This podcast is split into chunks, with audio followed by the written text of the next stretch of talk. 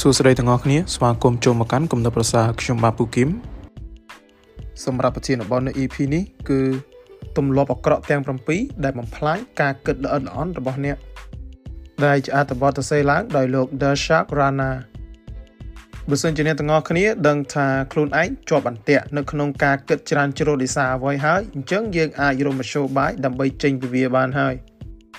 ដោយឫសគល់នៃការគិតច្រើនជ្រុលនេះគឺវាមិនមែនគ្រាន់តែកើតឡើងដោយសារតែព្រឹត្តិការណ៍មួយឬក៏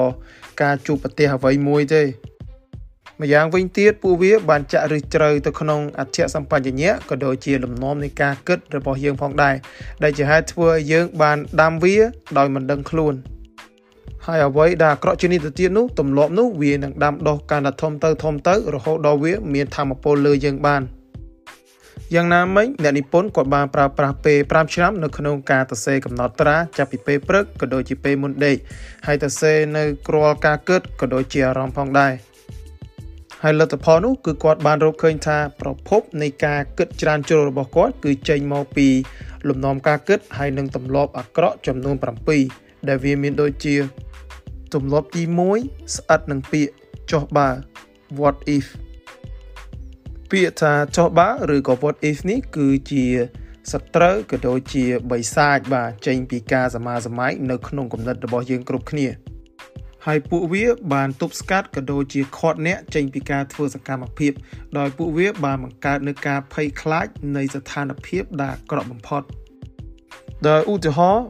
បើសិនជាយើងចង់ធ្វើអាជីវកម្មអ្វីមួយដោយខ្លួនឯងយើងនឹងប្រើសំណួរថា ចុះបើខ្ញុំបរាជ័យបាទប៉ុន្តែបើសិនជាយើងមកធ្វើការងារបែបក្រុមហ៊ុនវិញយើងនៅតែគិតថាហើយចុះបើក្រុមការងារគេមិនចូលចិត្តខ្ញុំវិញដែលសំណួរទាំងអស់នេះហើយបំផ្លាញនៅទំនុកចិត្តក៏ដូចជារៀងរៀងអ្នកមិនអោយធ្វើអ្វីសោះឡើយហើយចុះចំពោះដំណោះស្រាយវិញគឺយើងត្រូវតែជំនួសនៅពាក្យថាចុះបើជាមួយអ្វីដែលវាល្អជាងមុនដោយប្រើប្រាស់ឧទាហរណ៍បាញ់មិញបាទបើសិនជាយើងចង់បង្កើតអាជីវកម្មអ្វីថ្មីមួយ យើងគួរប្រាក់ពេលថាហើយចុះបើខ្ញុំជោគជ័យវិញបាទហើយសម្រាប់យើងទៅធ្វើការងារក្រុមហ៊ុន យើងនិយាយថាហើយចុះបើពួកគេចូលចិត្តយើងវិញបាទអញ្ចឹងជាមួយនឹងការជំនួសពាក្យល្អល្អអ្នកទាំងអស់គ្នាក៏អាចឃើញពីភាពខុសប្លែកដែរដូច្នេះតាមរយៈការប្រាស្រ័យពាក្យថាចុះបើនេះវាអាចទប់អ្នកមិនឲ្យធ្វើសកម្មភាពឬក៏អាចជំរុញអ្នកឲ្យដើរទៅមុខទាំងអស់នេះសិតតែជាជំរើសរបស់អ្នក ទម្លាប់ទី2ហក់ពីគំនិតមួយទៅគំនិតមួយទៀតលឿនពេកភាពខុសគ្នារវាងការមានគំនិតច្រើនហើយនិងហក់ពីគំនិតមួយទៅគំនិតមួយគឺត្រង់ចំណុចថាធ្វើសកម្មភាពដែរឬអត់បើសិនជាអ្នកជាអ្នកចូលចិត្តប្រើការហក់ពីគំនិតមួយទៅគំនិតមួយទៀតអញ្ចឹងគឺមានន័យថាអ្នកមិនឲ្យគំនិតទាំងនោះនៅពេលវេលាក៏ដូចជាធម្មពលដែលស័ក្តិសមទេដោយសារតែយើងចូលចិត្តទាយបាទនៅខ្លួនឯងភ្លាមភ្លាមក៏ដូចជា មិនចេះកណនានៅពេលវេលាដើម្បីធ្វើការស្វែងរកគំនិតនីមួយៗដែលទាំងអស់នេះហើយវាឈានទៅរករង្វង់នៃការគិតច្រើនជ្រុល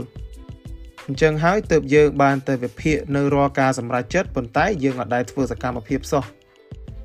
ផ្ទុយមកវិញ creativity ឬក៏គំនិតច្នៃប្រឌិតវាមិនមែនជាការមានគំនិតរាប់លានទេប៉ុន្តែវាគឺជាការយកគំនិតមួយហើយនឹងធ្វើវាឲ្យក្លាយជារឿងអស្ចារ្យ អញ្ចឹងហើយទើបវាទៀមទាងទាំងពេលវេលាក៏ដូចជាកិច្ចការយ៉ាងច្រើនដើម្បីអភិវឌ្ឍគំនិតនោះឲ្យក្លាយទៅជាអ្វីមួយដែលឆ្នើមដូច្នេះហើយទើបការធ្វើទង្វើដែលមិនល្អឥតខ្ចោះគឺតែងតែប្រសើរជាងការចាំឱកាសល្អឥតខ្ចោះដែលគ្មានថ្ងៃមកទម្លាប់ទី3រំពឹងទុកការបញ្ជាក់ពីអ្នកដទៃ មនុស្សយើងភាកច្រើនតែងតែចង់បានការទទួលស្គាល់ក៏ដូចជាការនិយាយបញ្ជាក់ពីអ្នកដទៃទោះបីជាយើងដឹងខ្លួនឬក៏អត់ក៏ដោយដោយពេលខ្លះពួកយើងតែងតែធ្វើការសួរសំណួររាល់ការសម្រេចចិត្តហើយនឹងការធ្វើអ្វីមួយដោយផ្អែកទៅលើការគិតរបស់អ្នកដទៃហើយម្យ៉ាងវិញទៀតយើងតែងតែព្យាយាមធ្វើខ្លួនឯងឲ្យមើលទៅលយអស្ចារ្យហើយនឹងព្យាយាមធ្វើឲ្យអ្នកដទៃជុំវិញខ្លួននឹងសប្បាយចិត្ត ដែលទង្វើទាំងអស់នេះនឹងឈ្មោះទៅកាន់ការគិតច្រើនជ្រុលដែលយើងពិបាកក្នុងការកម្ចាត់វាចេញណាស់ប៉ុន្តែសម្រាប់ដំណោះស្រាយវិញគឺយើងអាចផ្ដោតសំខាន់ទៅលើការបង្កើតអ្វីមួយដែលវាអាចជួយអ្នកដទៃបានជាជាងទៀមទាការបញ្ជាក់ឬក៏សរសើរពីពួកគេហើយអ្វីដែលសំខាន់បំផុតនោះគឺតើអ្នកមានអារម្មណ៍យ៉ាងណាចំពោះខ្លួនអ្នកហើយអ្នកបានផ្ដល់អ្វីខ្លះឲ្យពួកគេ ដូច្នេះចូលផ្ដោតអារម្មណ៍ឬក៏ focus លើការបង្កើតគុណតម្លៃចំណែកឯការទទួលស្គាល់ហើយនឹងការបញ្ជាក់ពីអ្នកដទៃនឹងតាមមកពីក្រោយទម្លាប់ទី4វិភាគគ្រប់យ៉ាងច្រើនជ្រុលទម្លាប់មួយនេះនឹងធ្វើឲ្យអ្នកចំណាយពេលរាប់ម៉ោងក្នុងការវិភាគស្ថានភាពឬក៏រស់ឬគល់នៃបញ្ហាហើយកំណត់របស់អ្នកគឺតែងតែគិតទៅវិញទៅមកទៅណាមិនឆ្ងាយទេ ហើយម្យ៉ាងវិញទៀតទម្លាប់មួយនេះវាអាចធ្វើឲ្យសំណួរធម្មតាប៉ុន្តែអាចបដូរទៅជាចម្លើយដ៏រញ៉េរញ៉ៃហើយនឹងគិតច្រើនជ្រុលបានចំណែកឯដំណោះស្រាយវិញគឺមានតែទទួលយកវាទេអឺក្នុងនេះគឺមានន័យថាជិះជាងជាការគិតច្រើនជ្រុលពីអ្វីមួយយើងគ្រាន់តែទទួលយកស្ថានភាពនោះហើយនឹងធ្វើការសម្រេចចិត្តតែម្ដងទៅដើម្បីដើរទៅមុខបាន ដូច្នេះដើម្បីធ្វើឲ្យដំណើរការនៃការទទួលយកនោះវាកាន់តែមានភាពងាយស្រួលជាងមុនយើងអាចសួរខ្លួនឯងបានថាតើរឿងនេះវានឹងសំខាន់នៅក្នុងរយៈពេលមួយអាទិត្យមួយខែឬក៏មួយឆ្នាំទៀតទេ បាទបើសិនជាចម្លើយអត់ទេអញ្ចឹងបលែងវាចោលទៅទម្លាប់ទី5ផ្ដោតលើអ្វីដែលអ្នកមិនមាន យោងតាមចិត្តសាស្ត្របាទគេបានបង្ហាញថាមនុស្សយើងតែងតែមានទំនោរទៅរកការផ្ដោតទៅលើប្រហោងឬក៏អ្វីដែលយើងមិនមានជាជាងអ្វីដែលយើងមាននៅក្នុងបច្ចុប្បន្ននេះដែលការគិតបែបនេះនឹងអាចធ្វើឲ្យអ្នកមានអារម្មណ៍ថាមិនពេញចិត្តក៏ដូចជាចំណែនដែលវាអាចធ្វើឲ្យអ្នកគិតច្រើនហើយនឹងអាចចូលក្នុងស្ថានភាព depressed ទៀតផងចំណែកឯដំណោះស្រាយនោះគឺមានតែការដឹងគុណឬក៏ gratitude ទេ នៅពេលដែលអ្នកចាប់ផ្ដើមមានអារម្មណ៍ថាគិតច្រើនជ្រុលឬក៏សម្ពាធធ្ងន់ពេកយើងអាចបដូរការ focus របស់យើងទៅលើអ្វីគ្រប់យ៉ាងដែលយើងអរគុណហើយនឹងយើងមានជាជាងផ្ដោតលើអ្វីដែលយើងមិនមានទោះបីជាស្ដាប់មើលទៅវាសាមញ្ញពិតមែនប៉ុន្តែវាមានធម៌ពលខ្លាំងណាស់អញ្ចឹងអ្នកគួរតែចំណាយពេលក្នុងការវឹកហាត់ដោយសារតែវាអាចបំបែកនៅការគិតច្រើន ហើយនឹងធ្វើឲ្យអ្នកមានសេចក្តីសុខចេញពីក្នុងចិត្តទៀតផង ទម្លាប់ទី6ប្រើមនោសញ្ចេតនាជ្រុល too personally នៅពេលដែលមានបញ្ហាអ្វីមួយកើតឡើង បាទមនុស្សប្រភេទនេះគឺតែងតែប្រើប្រាស់អារម្មណ៍ឬក៏មនោសញ្ចេតនាទៅរឿងរ៉ាវនោះជ្រុលជាលទ្ធផលគឺយើងមិនអាចគ្រប់គ្រងខ្លួនឯងបានទេ ដែលនេះហើយទើបធ្វើឲ្យទង្វើក៏ដូចជា reaction របស់យើងនឹងវាអាចនឹងមិនសមរម្យទៅលើព្រឹត្តិការណ៍នោះ ឧទាហរណ៍បាទបើសិនជាមេរបស់យើងឬក៏ថ្នាក់លើរបស់យើង បាទបន្ទោសយើងសម្រាប់ការងារដែលយើងធ្វើទៅវាមិនសូវល្អអញ្ចឹងមិនមែនមានន័យថាគាត់ស្អប់យើងទេប៉ុន្តែគ្រាន់តែការងារនោះវាមិនទាន់ល្អតែប៉ុណ្្នឹងឯងចំណែកដំណោះស្រាយនោះគឺដំបូងធ្វើចិត្តឲ្យស្ងប់បន្ទាប់មកមើលស្ថានភាពនោះដោយមានវត្ថុគោលបំណងត្រឹមត្រូវ ហើយវិធីសាស្ត្រមួយទៀតនោះគឺយើងមើលបញ្ហាទាំងឡាយគឺជារឿងរបស់អ្នកដទៃដែលវាអាចឲ្យយើងបានទទួលបាននៅទស្សនៈឬក៏ការកាត់សេចក្តីល្អជាងមុនហើយបើសិនជាក្នុងករណីដែលអ្នកដឹងថាអារម្មណ៍បានមកគ្រប់គ្រងរអ្នកហើយអញ្ចឹងគួរតែចំណាយពេលដើម្បីធ្វើការដកដង្ហើមម្ដងមួយម្ដងមួយទម្លាប់ទី7ជ្រើសរើសការគ្រប់គ្រងខុសសំណួរដែលថា